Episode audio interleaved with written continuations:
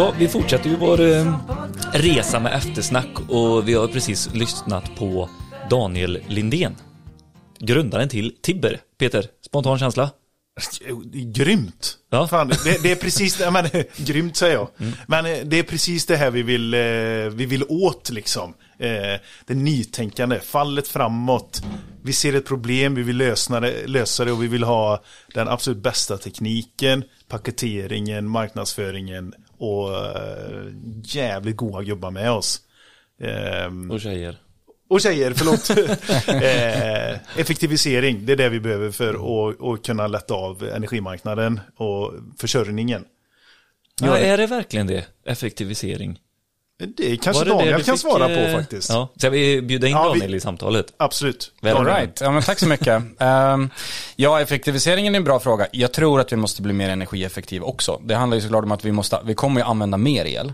Men de, de gamla grejerna vi har använt behöver vi inte använda mer av dem, utan vi ska använda mindre av dem på ett effektivare sätt. Alltså en, desto fler värmepumpar du köper, eller när du köper en ny värmepump, eh, så kommer den vara smartare och den kommer vara mer effektiv än de gamla var. Så det sker ju utveckling hela tiden. Så liksom värmekostnad, varmvattenshantering, hur vitvaror drar och allt det här. De kommer ju gå ner. Men sen kommer det nya grejer som elbilsladdning och, och andra saker som man laddar med i hemmet och, och använder. Och det gör att vi kommer förmodligen använda mer el. Eh, Så effektivisering, ja, men vi kommer använda mer el. Spridda eh, skurar, det är väl någonting som jag har tänkt på det här energipratet som man, då snackar man ju typ nästan alltid el. Eh, Men du sa ju uppvärmning och sånt där också. Vi har ju också en energilagring där som, som vi inte utnyttjar tillräckligt idag enligt mig.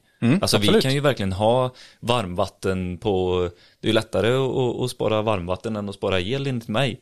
Alltså både billigare och lättare installation. Ja, alltså du kan ju, ha- dels kan det vara smart med hur mycket, mycket vatten som ska komma ut ur kranen. Så det är ju en första fråga, liksom, har vi bra munstycken och sånt? Alltså bara räkna över den kostnaden och, och kanske finns bra komfort på det så går det ju att göra jättemycket saker. Den andra liksom, grejen är att man, man, man duschar ju på morgonen oftast. Eh, eh, innan man ska iväg till jobbet. Och vad händer då? Ja, de här grejerna är dumma oftast. Så då drar de igång varmvattenproduktion direkt. Eh, när det blir liksom lite lägre temperaturer i den.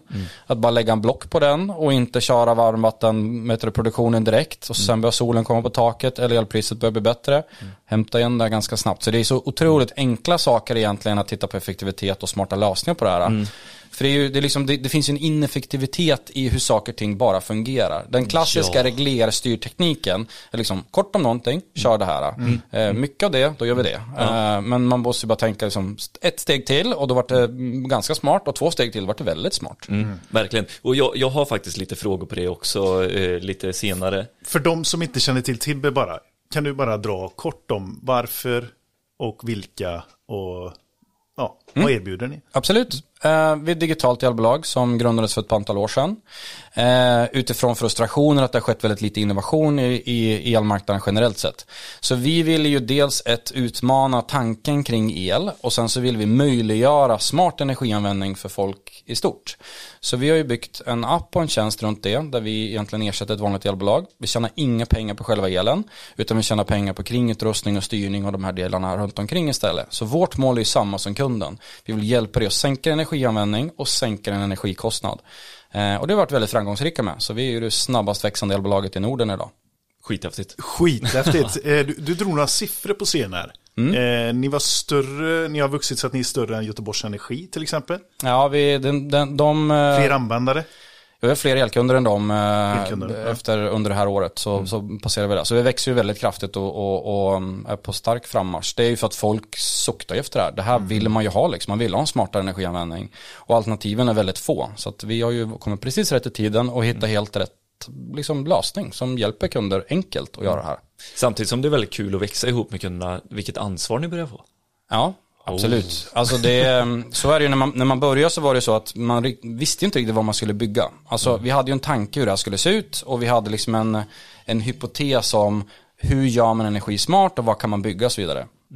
Så började man med några små delar, vi kopplade upp lite värmepumpar, tänkte liksom hur jag skulle göra det.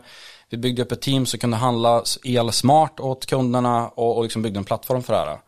Men när det liksom börjar skrapa på ytan, då öppnar det sig liksom en hel värld av saker och ting. Och idag är det ju liksom så mycket saker som våra kunder önskar.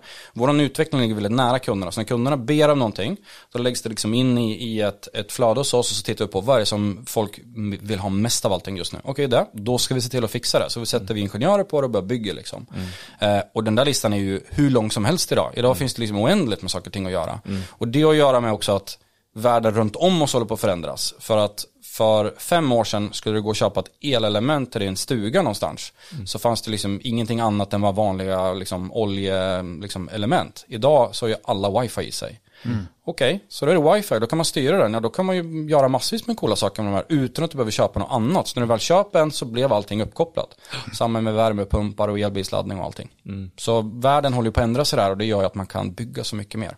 En eh, nyfiken fråga för mig. Hur, hur går aktionen till på eh, Nordpol? När liksom kan ni börja gå in och köpa? Ja, ja det, det blir ju liten, det blev en liten nördfråga för det kommer att bli ett ja, nördsvar här. Uh, men, men uh, först och främst så, det som är lite speciellt med el och elmarknaden är att priset sätts i förväg. Ja.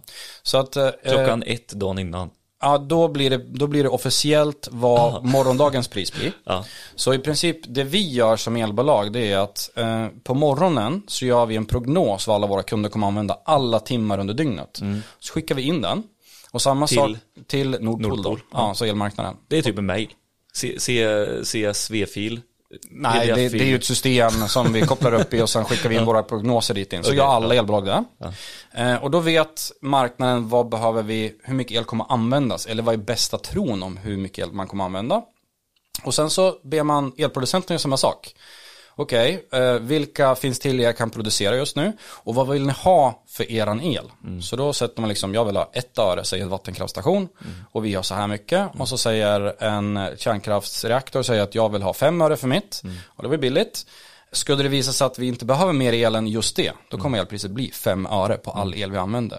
Men sen går den här trappan uppåt och sen så visar det sig att vi behövde ju för att täcka hela vårt energibehov så behöver vi importera el från Ryssland eller från något ställe där det kostar väldigt mycket för oss och den kostade 100 öre eller 200 öre. Mm. Då kommer all el att kosta 200 öre för att den sista kilowattimmen i budet som för att klara av hela, det bestämmer hela, hela liksom marknaden. Mm. Så det är därför elpriset fluktuerar så mycket under dygnet. För det beror på lite grann hur mycket finns tillgängligt och hur mycket el kommer vi behöva för att använda. Mm. Så det är det.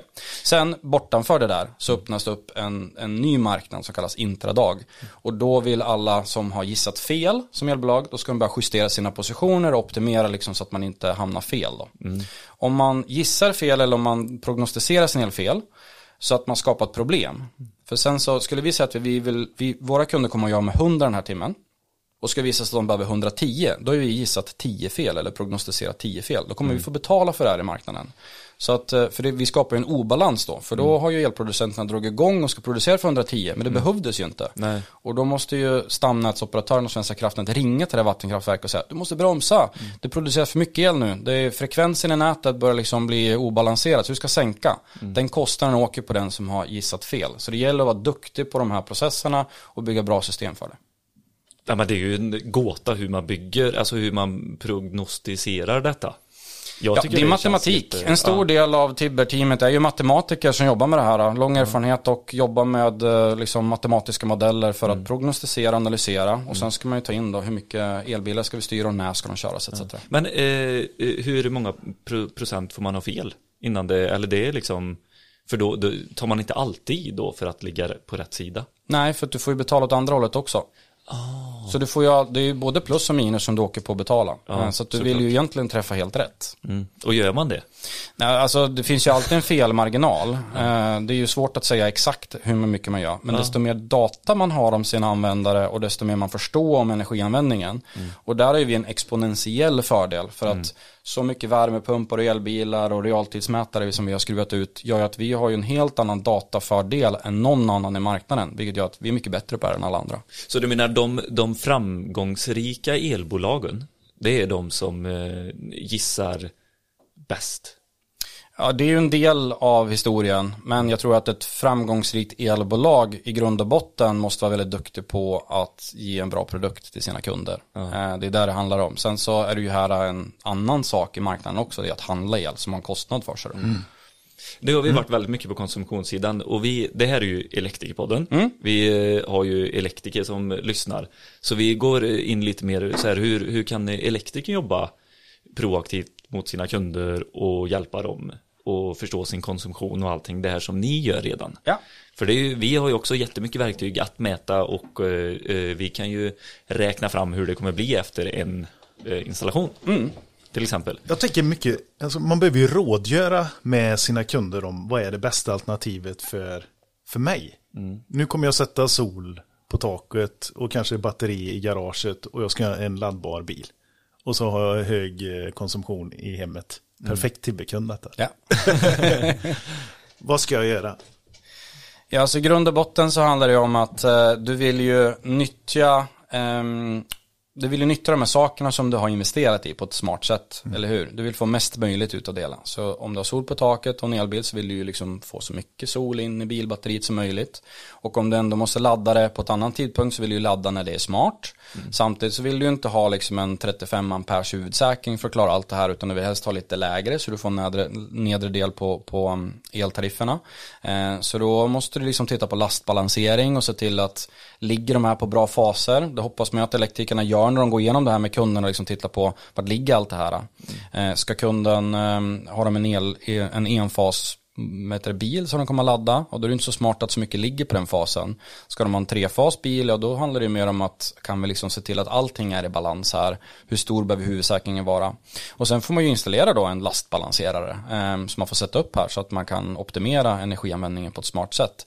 Så att du får mest möjlig nytta av alla de här grejerna utan att det är så stor kostnad för det heller i nättariffer och, och inköp av el. I, I dagsläget så behöver man då egentligen som elektriker så behöver man fråga ganska mycket frågor för att veta vart är kunden om tio år. Ja. Vart är den här fastigheten om tio år?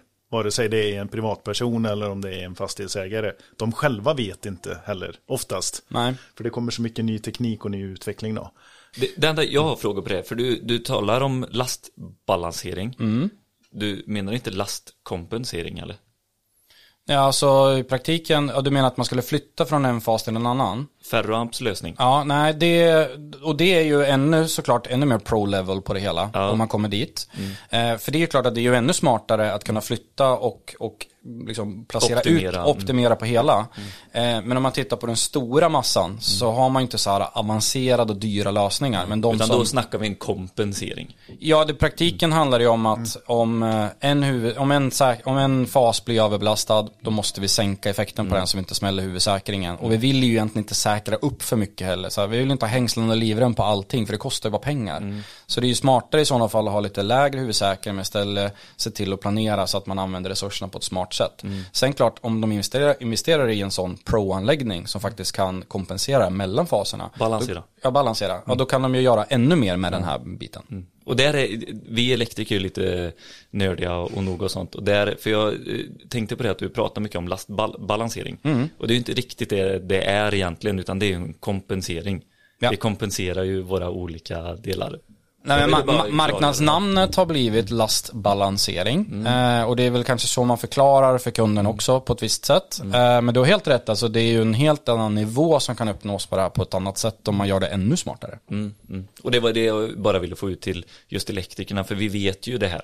Alltså eh, effektkompensering, för det du gör, du kompenserar ner liksom så att effekten inte ska slå i höjden på en fas och då kompenserar du ner någon annanstans. Om det är elbilsladdaren eller om det är värmepumpen eller vad det nu är. Nej, det är ju en balansering mellan faserna gör vi ju inte, men vi balanserar ju den fasen. Så Ja. vad vi gör då, då det är att den håller på att slå i taket. Då sänker vi laddningen på boxen och det blir också en balans. Så jag vet inte. Ja.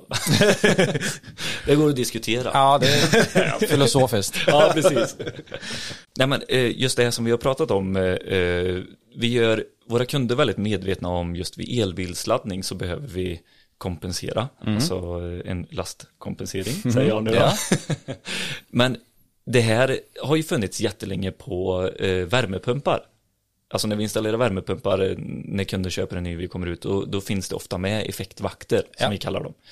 Och jag tror faktiskt att det är många som nästan struntar i att installera det, för det har gått väldigt bra. Men nu, nu har vi ju ett eh, till bekymmer. Det är inte bara att säkringen ska hålla, utan nu eh, pratar vi, du om på scen här att det kommer bli en effekttariff också. Ja. Kan du förklara det för eh, elektrikerna så de kan ta det liksom med sina kunder, vad, ja, vad det innebär?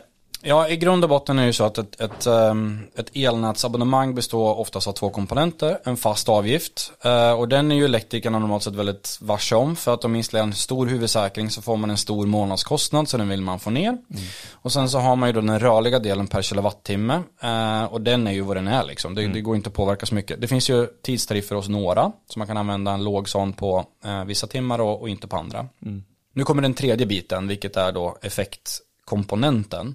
Eh, och ursprunget till det är ju egentligen det att man är ju rädd som nätägare att nu ska det installeras eh, elbilar primärt är ju en drivkraft men också att vi har mer effekt i, i många olika saker.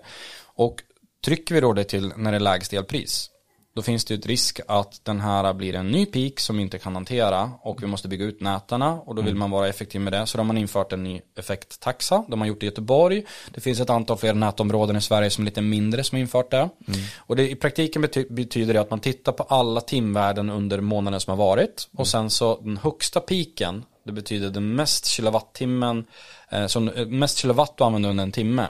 Det prissätter sen en ny komponent. Mm. Och som Göteborg har så ligger den runt 35 kronor i månaden för mm. en kilowatt. Så har man 10 kilowatt så blir det 350 kronor. Har man 20 kilowatts peak så blir ju den då eh, 700 kronor. Mm. Så den har en betydande del alltså per månad. Så det är en ganska mm. stor kostnad eh, beroende på hur du använder dem.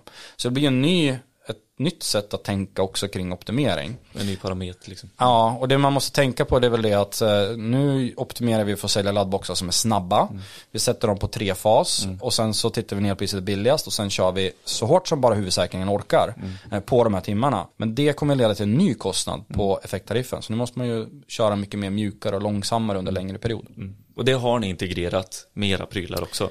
Eh, Eller kom, kommer ha. Ja, det, vi kommer att ha det. Och det här är också utmaningen, det är det att alla nätbolag hittar på sina egna grejer. Mm. Uh, och det finns ju 200 nätbolag bara i Sverige liksom. Och det är inte så att de är så digitala så det finns gränssnitt och bara hämta de här tarifferna så enkelt. Så att uh, vi kommer att se en utveckling i det här området. Mm. Det finns ju lösningar för det redan idag. Mm. Du kan sätta laddhastigheten på bilen. Så det, det, det, vi, det vi normalt sett gör är att vi kör bara långsammare laddning under natten. Uh, men det ska ju vägas upp mot elpris och andra faktorer. Så vi mm, kommer mm, att bygga nya algoritmer för att göra ännu smartare. Så liksom vi, vi knäcker koden, hur ska vi få mest möjligt ut av effektariffen också? Mm.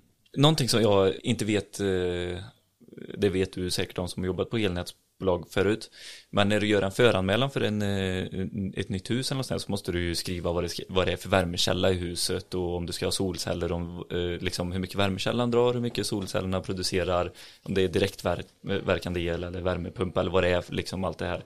Men det, det, de har inte kommit dit än att har du elbilsladdare?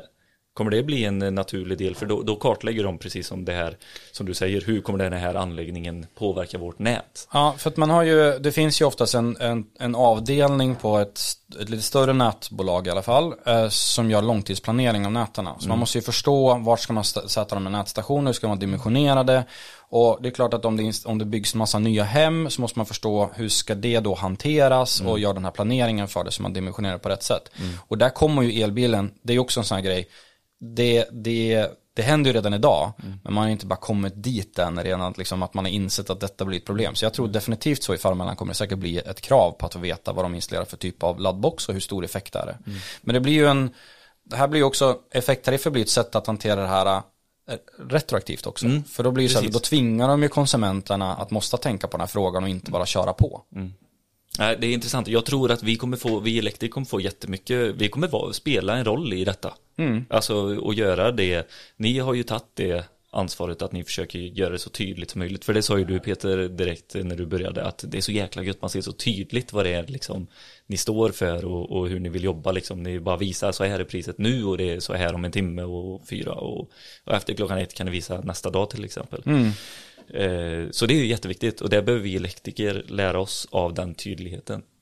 Ja, och det kommer ju, alltså vid installation av saker och ting så tror jag att nästa nivå blir också att fundera på så här, ska man sätta in ett relä här, ska det vara mm. uppkopplat, ska det liksom fungera ihop i något ekosystem, mm. är det en varmvattenberedare som ska sättas in, Är det liksom läge att kunden kanske ska skaffa en wifi-baserad sån för att nyttja det lastbalansering in liksom, eller lastkompensering som du kallar det.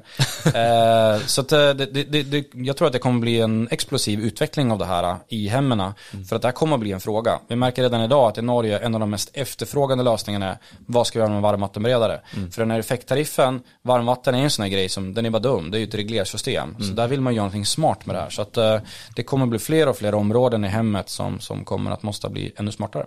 80-talsvillor hade ju en sån nattsänkning med ett ur. Ja, det har jag åkt runt och demonterat. Det var synd, skulle han haft kvar. Ja, jo. Då har jag en fråga. Vart stöter elektrikerna på er någonstans? Är det eh, bland privatpersonerna när de har ställt frågan om att bli kunder och vill ha en effektivare ja, elförbrukning, elförsörjning, elanvändning hemma?